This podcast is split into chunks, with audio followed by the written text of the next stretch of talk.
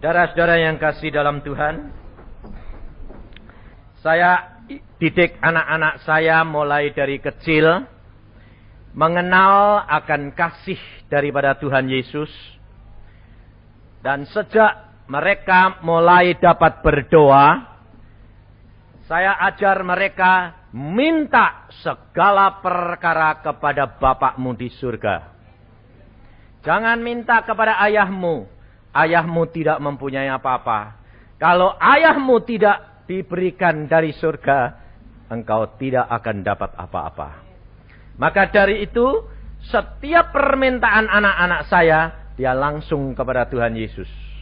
Setelah Tuhan Yesus menjawab mereka, baru dari mereka memberitahukan kepada ayahnya. Hal ini saya didik mulai kecil. Mereka sudah peka mereka sudah mengerti, mereka bercakap-cakap dengan Tuhan secara pribadi. Sehingga saya orang tua ringan, saudara. Tidak merasa dibebani anak. Kenapa? Segala sesuatu langsung dari Allah sendiri. Yang belakangan pada waktu bulan akhir November, anak saya yang dari negeri Belanda nulis surat sama saya. Papa, Tuhan Yesus berjanji kepadaku, Januari aku diberi mobil. Saya kaget, saudara. Karena apa? Karena pernah saya berjanji kepada dia, kalau engkau sudah lulus PMO, nanti aku mintakan kepada Bapak mobil bagimu. Lalu dia berkata, Papa, Tuhan Yesus sudah berbicara. Saya kagetnya sebab apa? Sebab bulan Januari saya mau mengasingkan diri. Selama 40 hari. Jadi tidak pelayanan. Kalau seorang hamba Tuhan tidak pelayanan, berkatnya dari mana? Loh, ini logika loh, ini logika. Betul enggak? Jadi saya logika saya jalan, jangan saya jangan saudara kira kalau sudah jadi hamba Tuhan seperti saya lalu pikirannya berhenti. Enggak. Pikiran tetap jalan. Kalau tidak, boneka. Jadi pada waktu itu saya katakan, aduh Tuhan, ini saya mau mengasingkan diri berarti waktu tinggal cuma satu bulan seminggu. Mana mungkin? Padahal saya sudah pernah berjanji kepada dia, kalau beli mobil 10 juta ke atas. Di mobil di Eropa itu murah. Satu banding tiga harganya sama di sini. Jadi kalau 10 juta di sana berarti di sini 30 juta. Jadi pada waktu itu saya berkata begitu, terus saya bawa doa sama istri saya, sama adik-adiknya. Yuk kita berdoa bagaimana ini?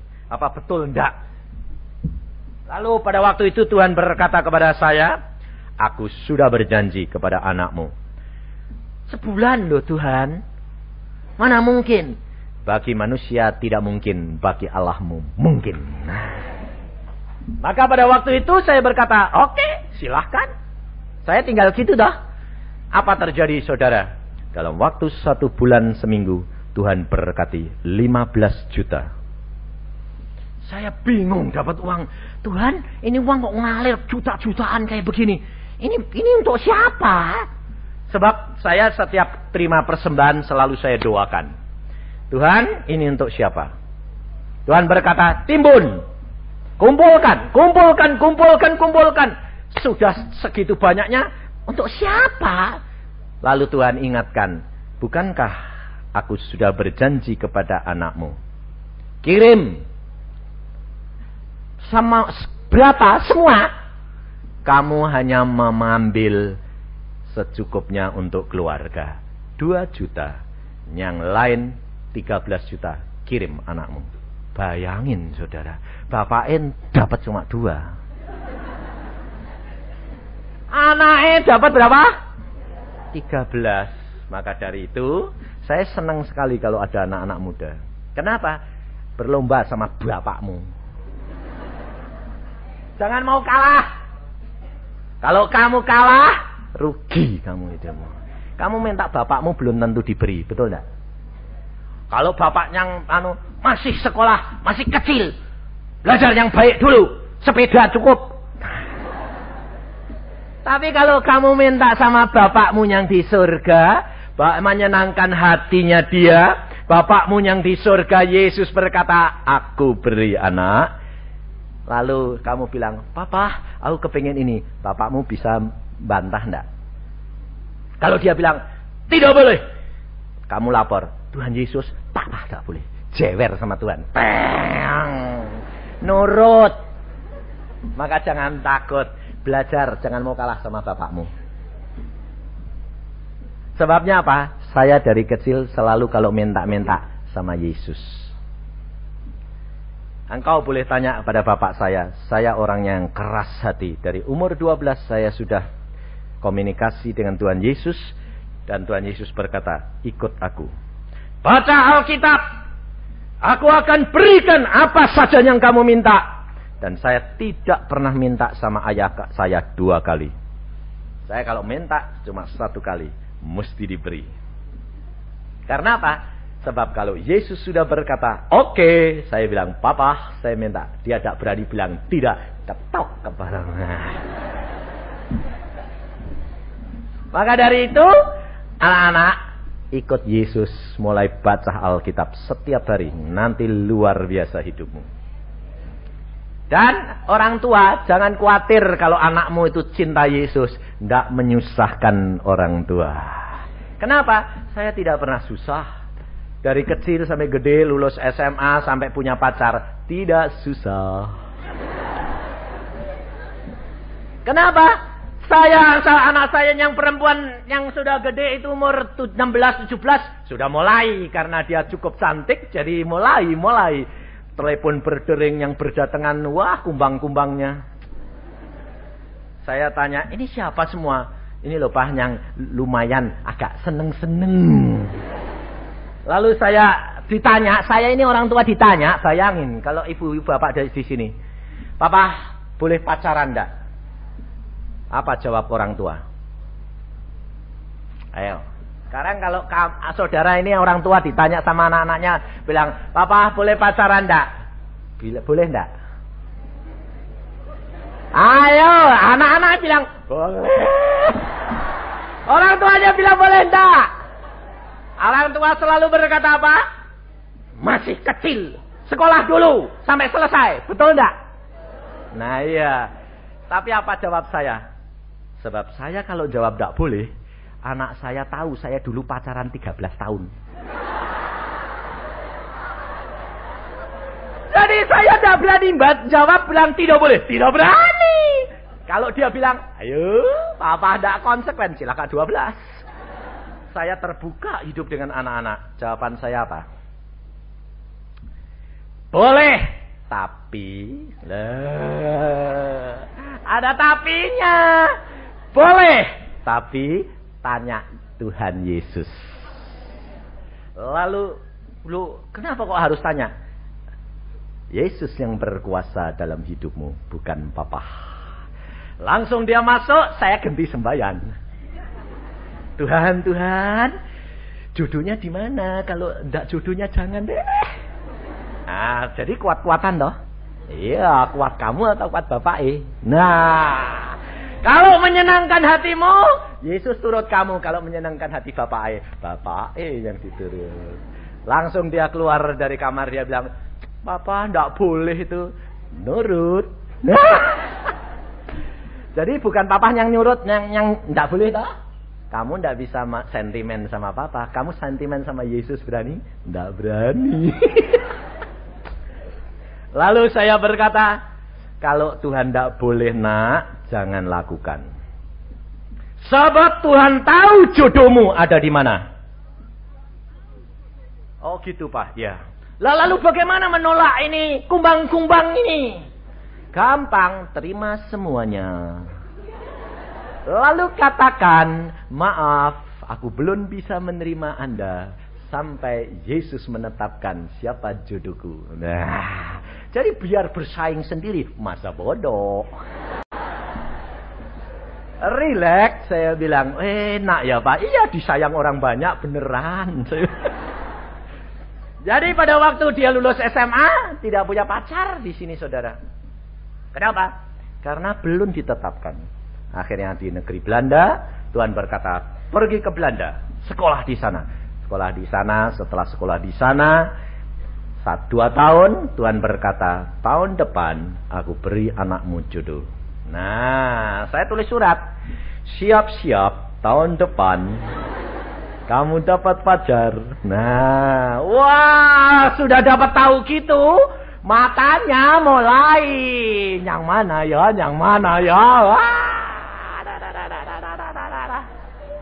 Lalu mulai satu-satu diincer. Oh ini yang ini ini. Ini senang sama saya. Wah saya cocok sama ini. Ini cocok ini cocok.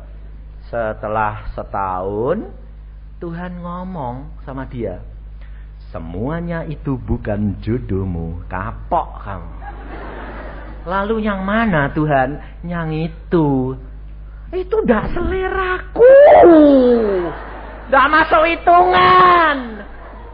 Engkau nurut aku atau menurut kehendakmu? Nurut engkau. Itu jodohmu. Ah, kapok kamu. Lalu diberikan seorang jodoh setelah itu. Sang, karena dia merasa itu tidak selera dia.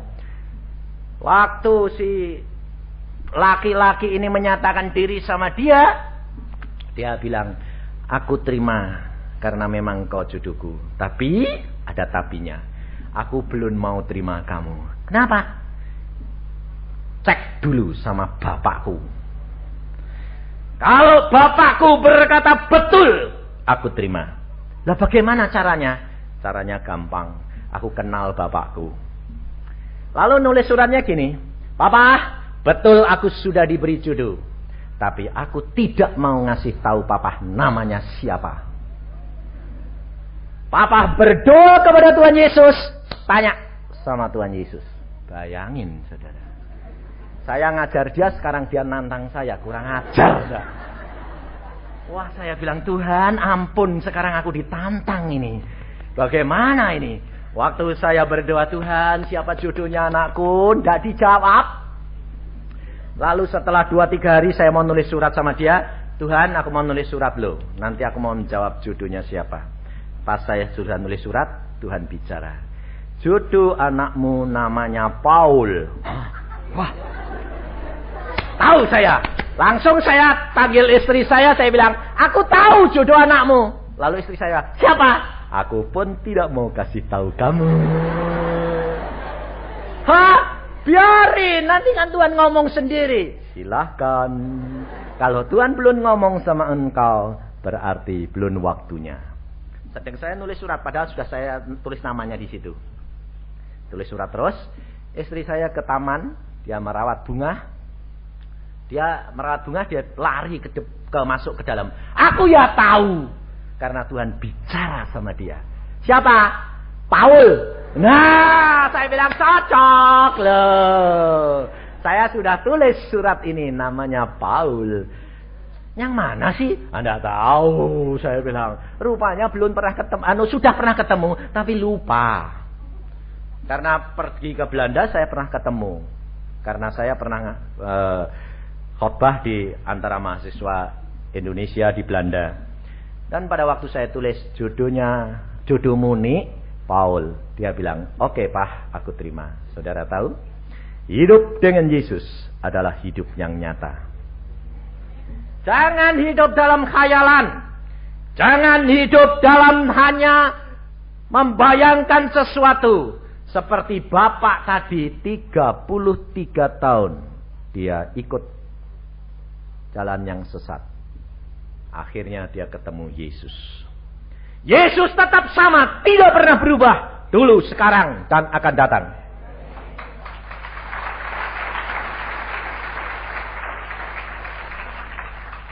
Maka dari itu saudara, kalau pada malam hari ini engkau mendengar firman Tuhan, engkau tanamkan dan engkau akan melihat dan engkau harus praktekkan. Sebab kalau tidak, engkau rugi, ketinggalan kamu. Dan engkau akan tersesat. Karena apa?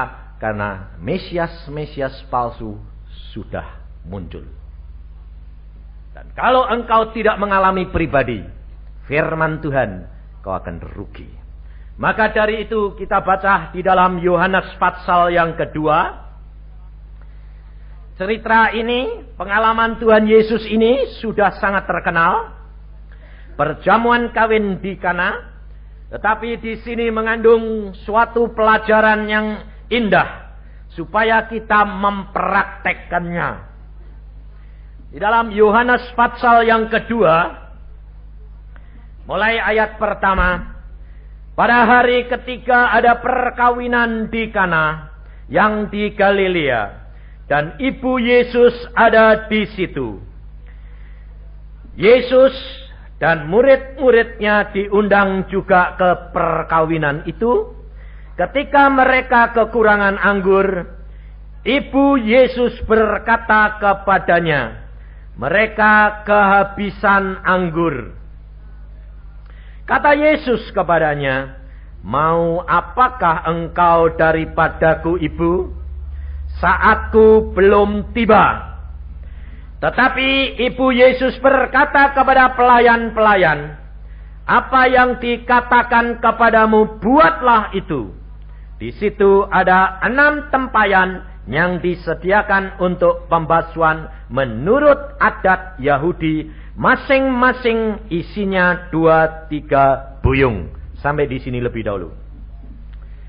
Kalau saudara perhatikan firman Tuhan ini, saudara. Engkau akan lihat Yesus dengan murid-muridnya. Dan ibu Yesus diundang ke perjamuan kawin. Sebab apa? Sebab Yesus dan ibunya itu masih famili daripada orang yang membuat perjamuan kawin. Yesus mau datang dan bersama-sama dengan ibunya dan murid-muridnya ke tempat itu untuk apa? Untuk diundang untuk berpesta dan bersukaria. Adalah satu peristiwa yang luar biasa perkawinan di Israel itu. Karena ada satu hukum yang keras luar biasa. Jikalau terjadi perjinaan, mereka harus dirajam sampai mati. Jadi satu perkawinan adalah satu keadaan yang sangat dihormati dan sangat besar faedahnya. Dan di situ menyatakan bahwa ini pekerjaan besar di dalam satu keluarga. Maka dari itu saudara kita harus benar-benar menghayati Alkitab. Belajar dari Yesus. Yesus pada waktu di dalam dunia, dia tidak melupakan juga keluarganya. Dia mau datang. Tetapi Yesus punya rencana yang indah di dalam kehidupan tiap-tiap keluarga. Dan pada waktu pesta kawin itu berjalan, mengapa justru ibu Yesus yang berkata kepada Yesus, mereka kekurangan air anggur. Kalau kurang satu perkara yang memalukan, yang luar biasa. Dan semua keluarga ikut ambil bagian. Firman Tuhan berkata, Jikalau engkau berharap kepada Yesus Tuhanmu, engkau tidak akan dipermalukan. Saudara tahu, setiap kejadian tidak ada yang kebetulan. Apakah kekurangan anggur di dalam pesta kawin di Kana ini kebetulan? Saudara berkata apa? Kebetulan tidak? Tidak ada. Yesus berkata di dalam Mazmur Allah menetapkan langkah-langkah orang yang hidupnya berkenan. Kenapa saya katakan Yesus berkata? Sebab Yesus adalah firman. Jadi firman Allah, Yesus. Maka dari itu saudara harus tahu akan firman. Karena firman Allah itu Yesus. Yesus berkata, Allah menetapkan langkah-langkah orang yang hidupnya berkenan. Jadi tidak ada sesuatu masalah yang kebetulan. Tidak ada. Meskipun yang tidak enak sekalipun. Tidak kebetulan. Maka pada waktu air anggur habis, mereka menghadapi perkara yang memalukan. Maria, Maria, saudara harus belajar seperti Maria.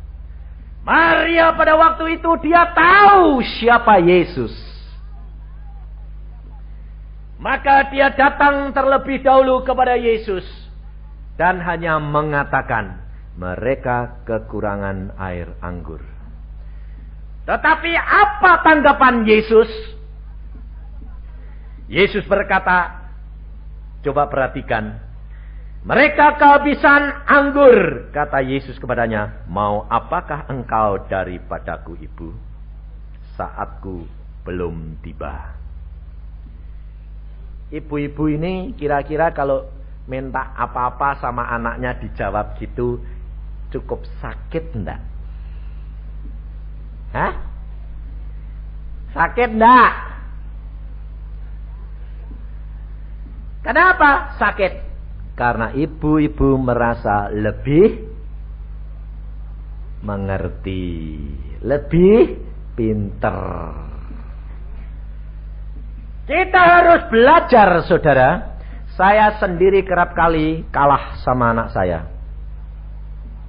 Saya kerap kali diajar oleh anak saya. Sebab apa? Sebab dari kecil saya sudah didik dia berlomba untuk menyenangkan hati Yesus. Pada waktu saya masih muda, saya sudah baca Alkitab terus dan Yesus sudah banyak berbicara.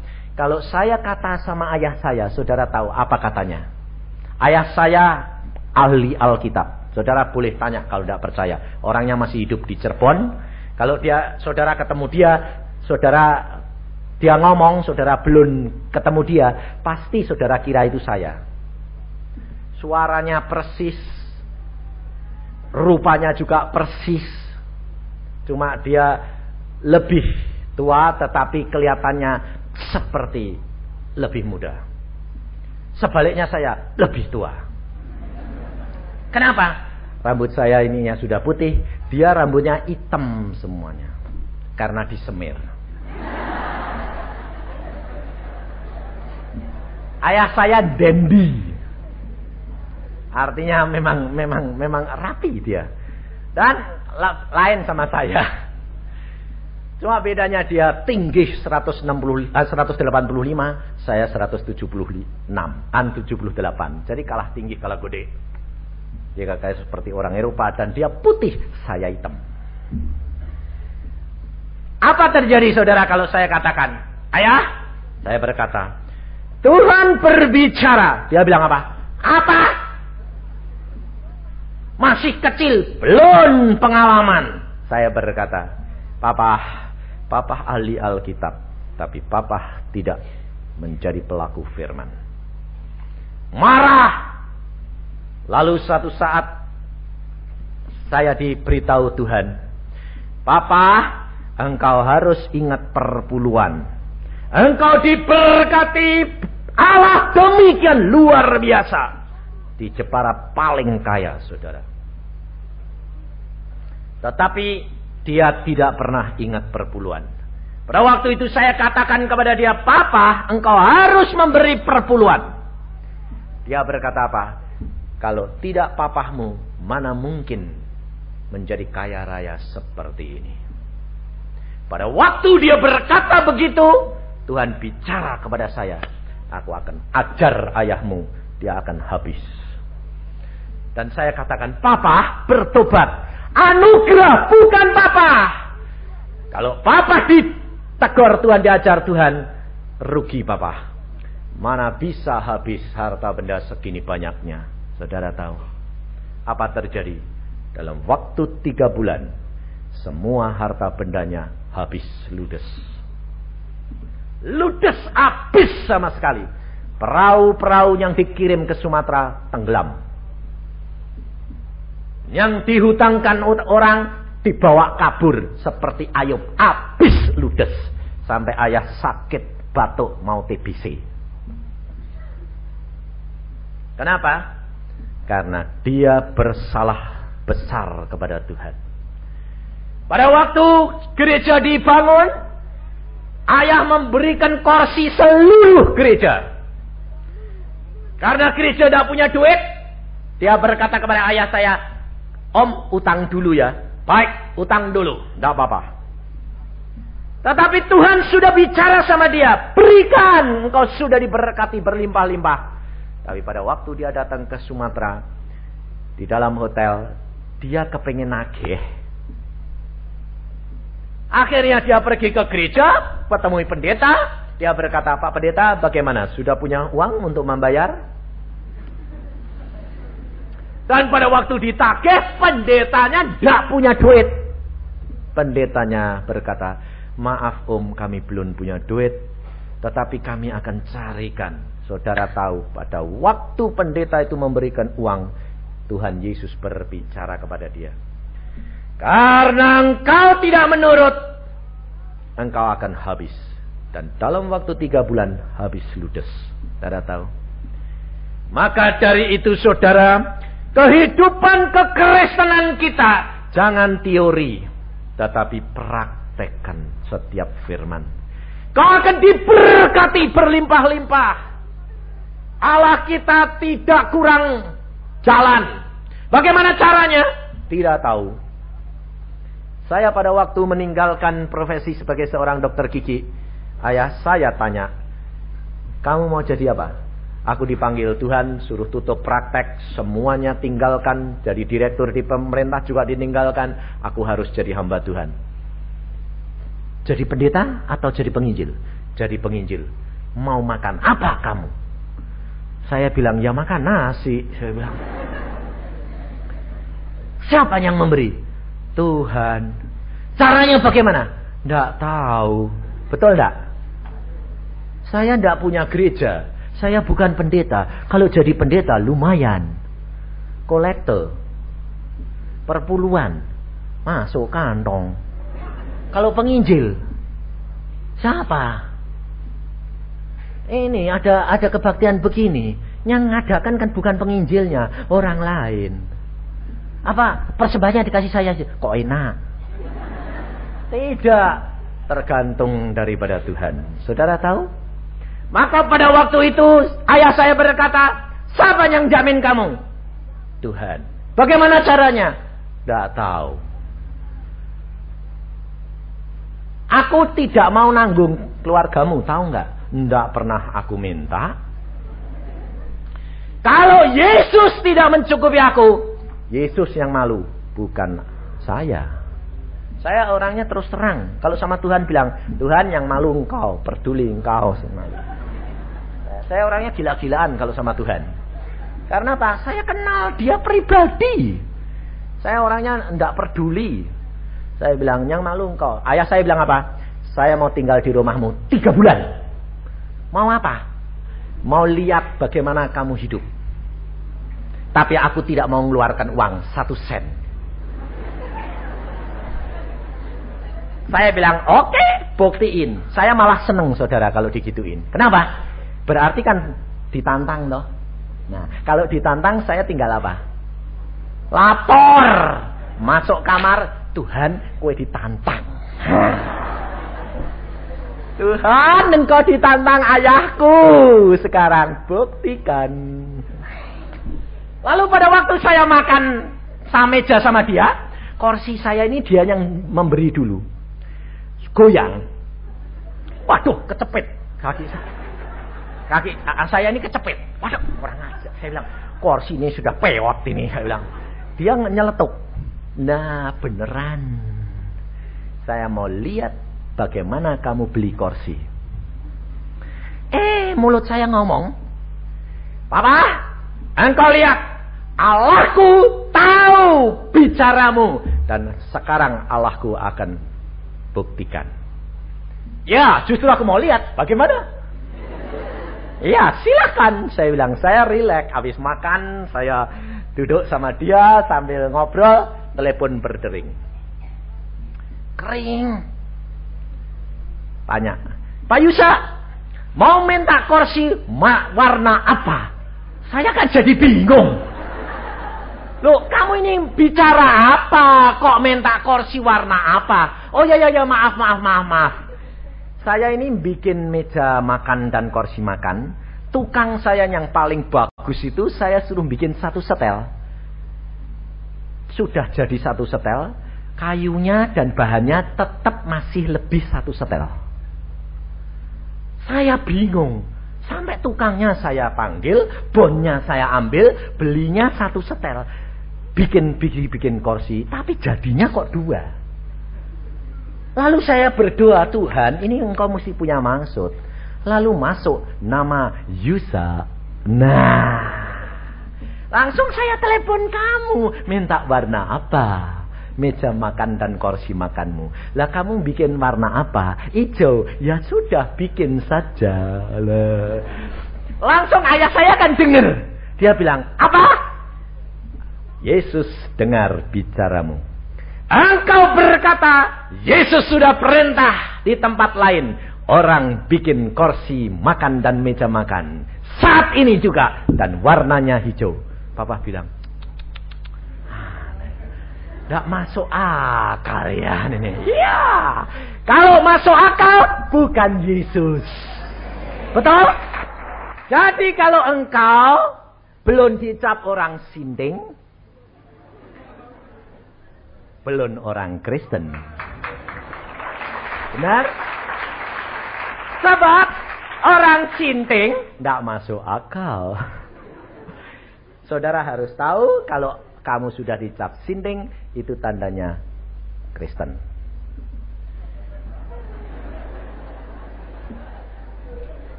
Sebab tidak masuk akal. Betul tidak? Saudara berkata, Allah akan pelihara. Bagaimana caranya? Tidak tahu. Lah, tidak sinting itu. Lalu orang dunia bilang, kamu dikasih akal budi, harus pakai. Iya. Tapi Allah berkata, pasti Bagaimana caranya? Tak tahu. Lah kan sinding. Ah coba, saya barusan dari Surabaya. Saya berdoa begini, Tuhan, aku ini mau liburan. Tanggal 20 Juni ini liburan satu bulan. Sama keluarga. Dan pelayanan keluarga. Tuhan, aku mau liburan. Biaya, minta biaya Tuhan untuk liburan. Paling sedikit, dua atau tiga juta. Tuhan berkata, Baik. Kan seneng. Sudah seneng saya. Lalu menginjil sana sini sana sini sana sini dapat persembahan. Kumpul-kumpul dua juta. Kan lumayan sudah sampai. Saya bilang, wah sudah sampai Tuhan. Apa terjadi? Ada orang berdoa, sedang persekutuan berdoa. Tuhan kasihani kami. Berikan biaya untuk kami. Eh Tuhan ngomong, berikan dia untuk kontrak rumah. Saya tanya berapa? 500 ribu. Karena dia rumah kecil di kampung. Oke.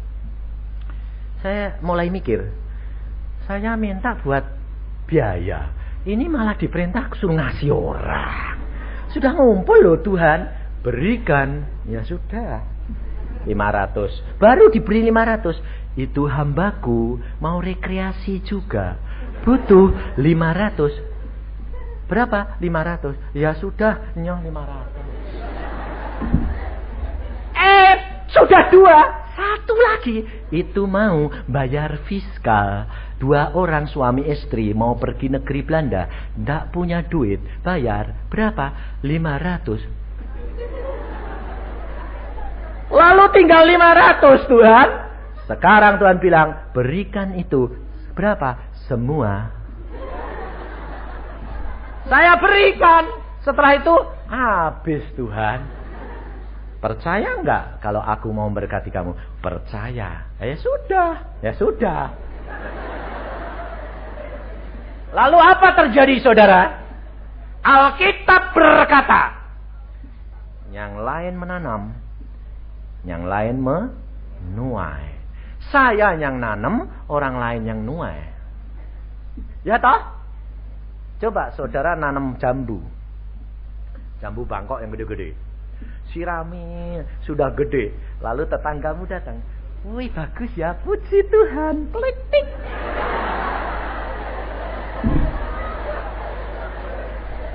Terus anaknya datang lagi. Mama, bagus ya mah, kelitik. Saudara bisa bilang, Puji Tuhan. Firman Tuhan berkata, aku yang menanam, engkau yang memuai. Bisa? Bisa? Bisa? Kalau bisa, praktek lo ya. Nanti kamu masak, hamba Tuhan datang, puji Tuhan. Diangkut masakannya jangan ribut. Atau saudara melotot, kamu tahu enggak, aku sih nanam setengah mati. Saudara tahu, kerap kali kita tidak mampu menjadi pelaku firman. Pada waktu itu saya katakan, terima kasih Tuhan, firmanmu genap, aku yang menuai, anu aku yang menanam, orang lain yang menuai. Langsung saya pada waktu itu terus melayani satu jemaat yang kecil di kampung. Pulang, naik mobil, kata saya diketok-ketok, kejar-kejar orang. Perempuan lagi. Ada apa? Ini Pak Yusa, stop dulu, stop. Kaca mobil saya buka. Ini Pak, ada berkat sedikit. Oh ya, terima kasih, puji Tuhan. Kok sampai kejar-kejar? Nanti tidak ketemu Bapak lagi. Oh ya, Terus saya berdoa. Tuhan, ini untuk siapa? Kantongi. Terus saya pikir saya gini, kalau sedikit suruh ngantongi. Udah ngumpulin banyak-banyak suruh memberi orang lain. Ya sudahlah, pokoknya saya kantongin. Saudara tahu sampai rumah saya buka. Cek. Selembar. Wah, lo kok cek? Tak lihat tak saya lihat apa? Nolnya dulu.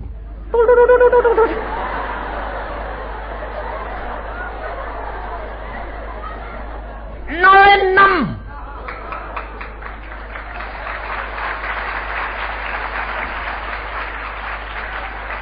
Setelah lihat nolnya, wah rasanya lumayan sedikit kok nol enam. Lalu lihat depannya angkanya. Lima. Bayangi saya sampai bilang. Saya bilang, Tuhan, 06 nangka 5, 5 juta kok katanya sedikit. Kalau banyak berapa ya? Saudara tahu? Tuhan ganti dua kali lipat lebih. Tapi jangan coba-coba. Lalu kamu bilang, ah niru Pak Yusah mancing. Bangkrut. Sebab Allahmu tidak bisa kamu tipu hatimu. Kalau engkau mau beri, beri dengan tulus hati. Tapi kalau engkau tidak mau beri, jangan beri. Sudah tahu, kehidupan kekristenan firman Tuhan berkata, beri, maka engkau akan diberi. Dan itu moto hidup keluarga kami.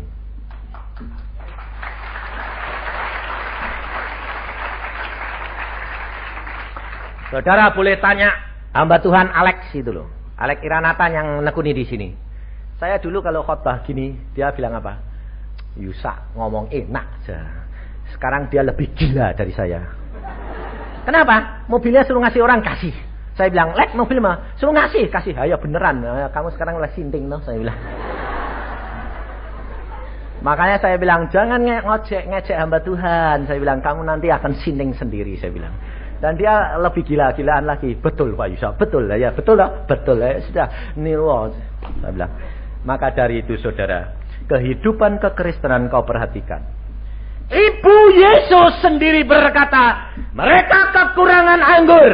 Yesus berkata, apa urusanku dengan engkau ibu? Belajar rendah hati seperti Maria. Biarpun anaknya sendiri Dikatakan dimintai pertolongan. Dia tidak sakit hati. Dia tugas dia Maria hanya menyampaikan apa yang menjadi masalah keluarga. Dan setelah sampai kepada Yesus, tugas saudara adalah apa? Yang saudara dapat lakukan, Maria, dia tidak sakit hati, dia pergi kepada pelayan-pelayan. Dia berkata, apa yang diperintahkan oleh dia itu orangnya lakukan. Saudara, orang Kristen adalah teman sekerja daripada Allah. Engkau dan Allah ada perjanjian kerja. Karena Allah itu roh Dia akan dimuliakan di dalam diri saudara. Dan saudara daging ini menjadi bagian di mana engkau dapat menjadi tempat untuk dimuliakannya Allah. Iman tanpa perbuatan mati. Kosong. Maka dari itu engkau adalah teman sekerja Allah. Allah berfirman, engkau lakukan. Dia akan dimuliakan di dalam dirimu. Dan rahasia ini pegang dan katakan bahwa aku teman sekerja Allah, aku adalah rumah Allah, bait Allah di mana Allah dimuliakan di dalam aku. Ini saudara. Dan ini harus engkau praktekkan. Jangan cuma ya ya ya ya ya ya, percuma. Katakan apa saja yang kamu alami, katakan. Sebab kalau tidak engkau rugi. Saya barusan mengalami satu peristiwa yang yang ya bikin jengkel, ya lucu, ya ya seneng saya. Sebab apa? Di, Bandung saya sedang di rumah istirahat. Kedatangan dua mobil penuh orang sepuluh dari Jakarta. Ngapain? Datang-datang. Pak Yusa, ada ada apa ini rombongan kayak begini? Minta diduakan Pak. Duakan apa? Lima pasang ini ndak punya anak semua. Apa-apaan? Rombongan lima pasang gak punya anak. Cari Yusa, aku dukun anak apa aku Apa-apaan ini saya bilang. Kamu dari mana? Dari Jakarta. Apa-apaan? Ada apa ini? Ada apa ini? Kok cari Yusa minta anak? Saudara tahu, saya kan jadi ya jengkel toh. Lah lima rombongan, wong limang pasang yang tidak punya anak kabeh, yang mau anak, saya dukun anak. Berapa lama kamu tidak punya anak? Ada yang 10 tahun, 15 tahun. Apa-apaan ini aku bilang? 6 tahun.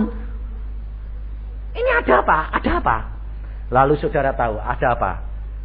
Ternyata itu gara-gara ada satu keluarga ker, anu, suami istri. Ngadak ke ucapan syukur di, di rumah makan yang gede. Lalu mengatakan bahwa kita mengucap syukur karena dapat anak laki-laki. Ceritanya, pada waktu dia sudah tidak dapat anak karena anaknya perempuan, anak lakinya, anu, si bapak ini kepengen anak laki. Lah si ibu ini bingung karena tidak punya anak laki, takut, takut apa? Lah nanti kalau tidak punya anak laki, kalau ada orang yang mau ngasih anak laki kan repot. Jadi ibu ini sembahyang terus. Sudah enam tahun sembahyang. Peranaannya infeksi. Dokter berkata, tidak bisa punya anak. Dan waktu sembahyang, sembahyang, sembahyang, eh, dia tergerak rasanya katanya, Pak Yusa suruh doakan. Dan saya ditelepon sedang jalan-jalan ke Eropa, mampir di Singapura. Perempuan ini ngejar ke Singapura. Bayangin, saudara. Sore-sore itu rumah saya diketok anu, kamar saya diketok ketok ketok ketok ketok. Saya bilang buka. Ibu mau cari siapa? Cari Pak Yusa. Saya. Loh, ibu dari mana kok kenal saya? Wong di Singapura tidak ada orang kenal saya. Saya dari Jakarta. Ngapain? Ya terbang ke sini. Ngapain? Ya mau ketemu Pak Yusa. Ngapain? Minta didoakan. Doakan apa? Minta anak. Apa-apaan? Saya bilang. Lalu Gini loh Pak, keadaan saya susah, peranaan saya infeksi terus. Kenapa kamu kok minta saya? Lah tunggu nanti kalau li libur selesai. Nanti tidak keburu. Tidak keburu apa? Ketinggalan. Loh. Langsung saya pikir, ah kalau udah tak layani cepet-cepet nanti repot. Wis, cepet-cepet ah. Apa-apa kesulitanmu apa? Terus cerita-cerita.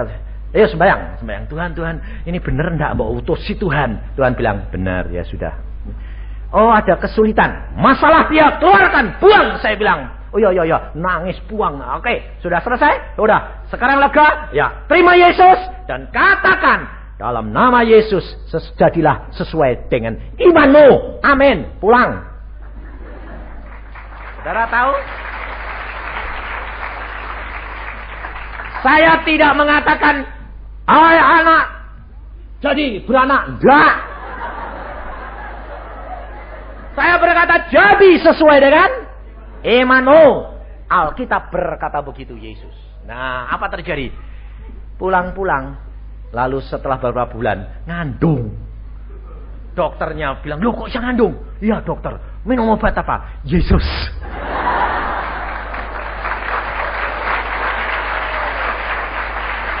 Dan apa terjadi saudara? Keluar lagi. Saudara tahu? Dan saya tanya, keluar apa? Lagi. Kamu kasih nama apa? Yusa. Waduh, Wah, itu nama saya, saya bilang. Buat nginget-nginget. Wah, ya, saya bilang. Dan gara-gara itu lima pasang.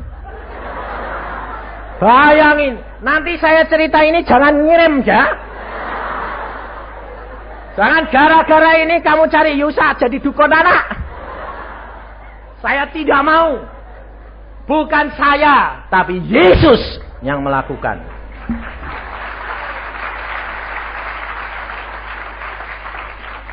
Dan pada waktu itu saya tanya, sudah bertobat semua? Dua pasang belum. Saya injili dulu. Bertobat, Yesus akan lakukan. Bertobat, saya doakan sama istri saya, dua, dua, dua. Saya datang di Jakarta ini, satu ngandung. Yang sudah enam tahun tidak punya anak. Udah tua-tua lagi. Saya lihat kemarin dulu saya ketemu. Kamu yang ngandung. Berapa? Sudah tiga bulan pak. Sekarang saya ngandung tiga bulan. Loh kamu pada waktu didoakan berapa? Empat bulan. Selang sebulan langsung jadi. Iya pak. Waduh saya bilang. Kamu bagaimana sih kok bisa jadi? Saya yang jadi katanya dia. Bingung saya. Apa yang Pak Yusa katakan? Saya kata apa? Tiap pagi datang berdoa dengan suami. Menghadap kepada Tuhan Yesus. Mengaku dosa dan minta Tuhan berkati. Jadi, nah, Yesusmu luar biasa.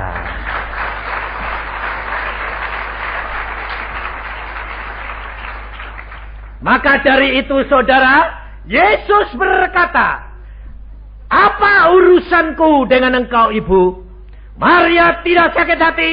Dan Yesus berkata, saatku belum tiba. Saudara tahu, ada saat yang harus dinantikan yang Yesus Tuhanmu akan bertindak untuk engkau. Jangan engkau mengatakan sekarang, sekarang. Yesus sudah berkata, saatku bukan saatmu. Pikiranku bukan pikiranmu. Maka dari itu engkau harus tahu bagianmu engkau bayar, bagian Yesus. Dia yang akan bayar. Kitab ini adalah kitab perjanjian. Kitab perjanjian antara engkau dan Allah. Allah dan saya. Jikalau saya menggenapkan janjiku, Allah akan genapkan janjinya. Maka dari itu engkau harus belajar firman Tuhan. Sebab firman Tuhan tidak dapat dipisahkan dari roh Al Kudus. Makanya kesaksian Bapak tadi apa? Harus ada urapan roh Kudus dan harus ada firman. Roh Kudus datang ke dalam dunia untuk memuliakan Yesus. Yesus adalah firman. Firman yang kau baca, masukkan dalam hatimu dan pikiranmu, dengan urapan roh kudus, firman ini menjelma menjadi kenyataan dalam hidupmu. Tetapi jikalau engkau tidak mau dua perkara ini, kau akan tersesat. Kalau engkau belajar firman-firman-firman saja, dengan akal budimu tanpa roh kudus, engkau jadi ahli Taurat dan orang Parisi. Menentang Yesus. Tetapi jika engkau tidak mau baca Alkitab dan belajar firman. Dan engkau hanya roh kudus, roh kudus. Jadi dukun. Kenapa? Roh kudus tidak ada yang dimuliakan. Akhirnya engkau mencuri kemuliaan Yesus. Hati-hati saudara. Maka dari itu firman dan roh kudus tidak bisa dipisahkan. Harus dua-duanya Urapan roh kudus kepenuhan Roh Kudus dan penuh dengan firman. Firman akan menjelma di dalam hidupmu dan engkau akan menikmati kemuliaan Allah. Mujizat demi mujizat akan terjadi.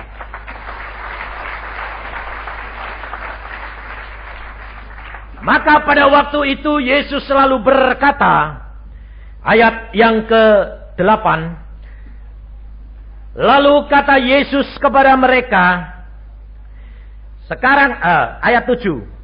Yesus berkata kepada pelayan-pelayan itu, isilah tempayan-tempayan itu penuh dengan air. Dan mereka pun mengisinya sampai penuh. Lalu kata Yesus kepada mereka, sekarang cedoklah dan bawalah kepada pemimpin pesta. Lalu mereka pun membawanya. Setelah pemimpin pesta itu mengecap air yang telah menjadi anggur itu. Dan ia tidak tahu dari mana datangnya. Tetapi pelayan-pelayan yang mencedok air itu mengetahuinya. Ia memanggil mempelai laki-laki dan berkata kepadanya, setiap orang menghidangkan anggur yang baik Dahulu dan sesudah orang puas minum barulah yang kurang baik. Akan tetapi engkau menyimpan anggur yang baik sampai sekarang. Hal itu dibuat Yesus di Kana yang di Galilea sebagai yang pertama dari tanda-tandanya. Dan dengan itu ia telah menyatakan kemuliaannya dan murid-muridnya percaya kepadanya. Kita harus belajar seperti Yesus. Untuk supaya keluargamu dan orang lain percaya engkau harus menyatakan Yesus hidup di dalam dirimu. Kalau saudara tidak mau jadi pelayan, engkau akan tidak tahu bagaimana air itu menjadi anggur. Untuk menjadi pelayan, saudara harus nurut. Coba bayangin, Yesus berkata, isi tempayan itu dengan air. Setelah diisi, Yesus berkata, sedok, bawa ke tempat pemimpin perjamuan. Bayangin saudara. Pelayan itu tahu kalau ini air. Padahal air di dalam tempayan itu untuk cuci kaki loh. Tempayannya itu tempayan buat orang minum. Enggak. Buat cuci kaki. Di Israel kalau mau pesta, kakinya dicuci dulu. Tempayannya itu banyak. Yesus berkata, cedok. Suruh minum. Bayangin. Kira-kira kalau Pelayannya bilang, Hah? Pak, gak masuk akal nanti aku dimaki-maki, dipecat. Lawang air suruh minum pemimpin. Tuannya bingung. Saudara apa kira pada waktu Yesus berkata, cedok sudah jadi anggur? Belum. Tatap air. Pada waktu Yesus berkata, cedok, bawa sedang di jalan berubah jadi anggur. Tapi si pelayan ini nurut saja. Paling-paling dipecat. Tapi pada waktu dia melangkah, dia lihat, anggur. Lalu pemimpinnya minum, pelayannya mesem. Mesemnya apa? Aku yang tahu. Itu air cuci kaki.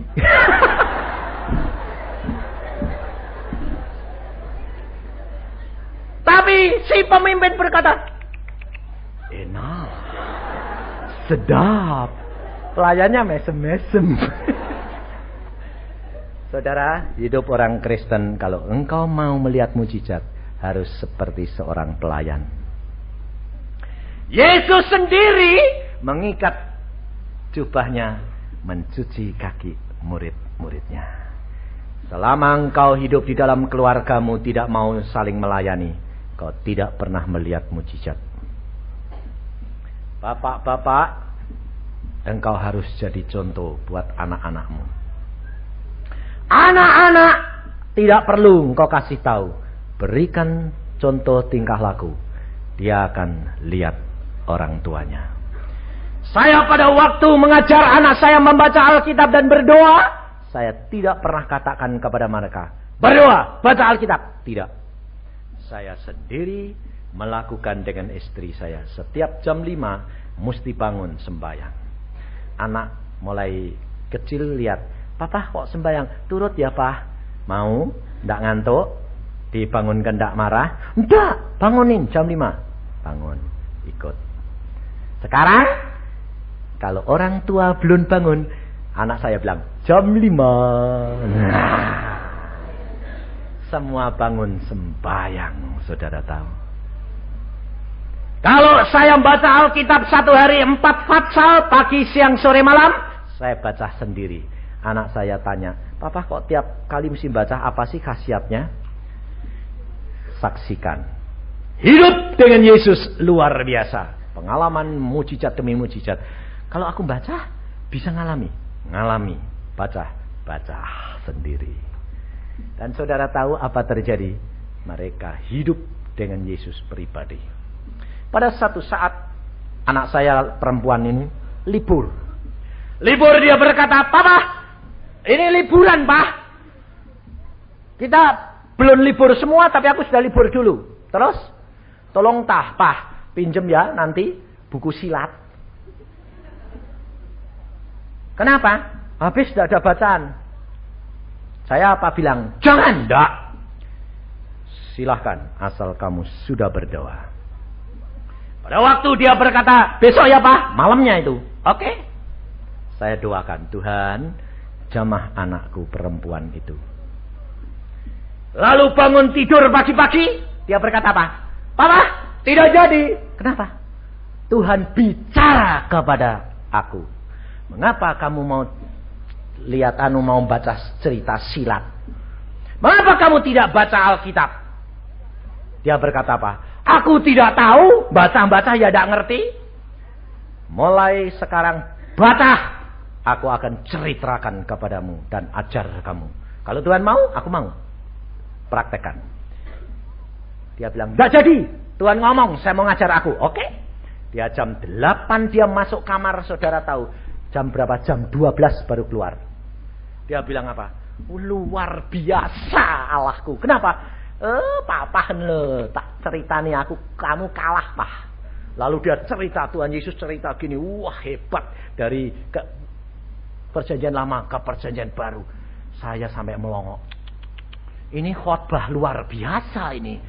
Empat jam. Saudara tahu. Dan dia sejak itu dia berkata, aku tidak akan meninggalkan Alkitab. Dan sejak itu tidak suka cerita silat. Cara mengajar bukan berkata-kata, tetapi lakukan dulu orang lain melihat.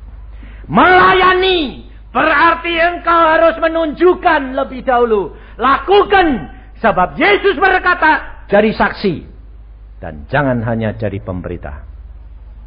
Maka dari itu saudara pada malam hari ini, jikalau engkau memeriksa dirimu masing-masing, engkau katakan kepada Tuhan, mengapa Tuhan mujizatmu dan perkara-perkara janjimu dan ajaibmu tidak terjadi dalam hidupku. Engkau periksa aku. Kekuranganku engkau tunjukkan Tuhan. Roh Kudus akan berbicara kepadamu pada malam hari ini. Engkau praktekkan. Katakan. Ini bagianku Tuhan. Aku mau melakukan bagianmu Roh Kudus yang akan menyempurnakan setiap firman yang aku terima. Aku pada malam hari ini terima firmanmu. Tapi aku mau praktekkan hidup berkelimpahan bersama dengan engkau. Bagi Yesus tidak ada barang mustahil. Coba bayangin saudara, air cuci kaki menjadi anggur, apakah tidak kelimpahan? Lesat luar biasa dan mahal luar biasa. Yesus tidak tanggung-tanggung kalau membuat mujizat. Tetapi bukan berarti mujizat diberikan diobral begitu. Yesus mau setiap anak Tuhan yang sungguh-sungguh dia pasti mendapatkan anugerah itu. Karena paket ini sudah diberikan saudara dan saya. Tinggal saudara mau ambil tidak. Tergantung saudara pribadi demi pribadi. Mari kita berdoa.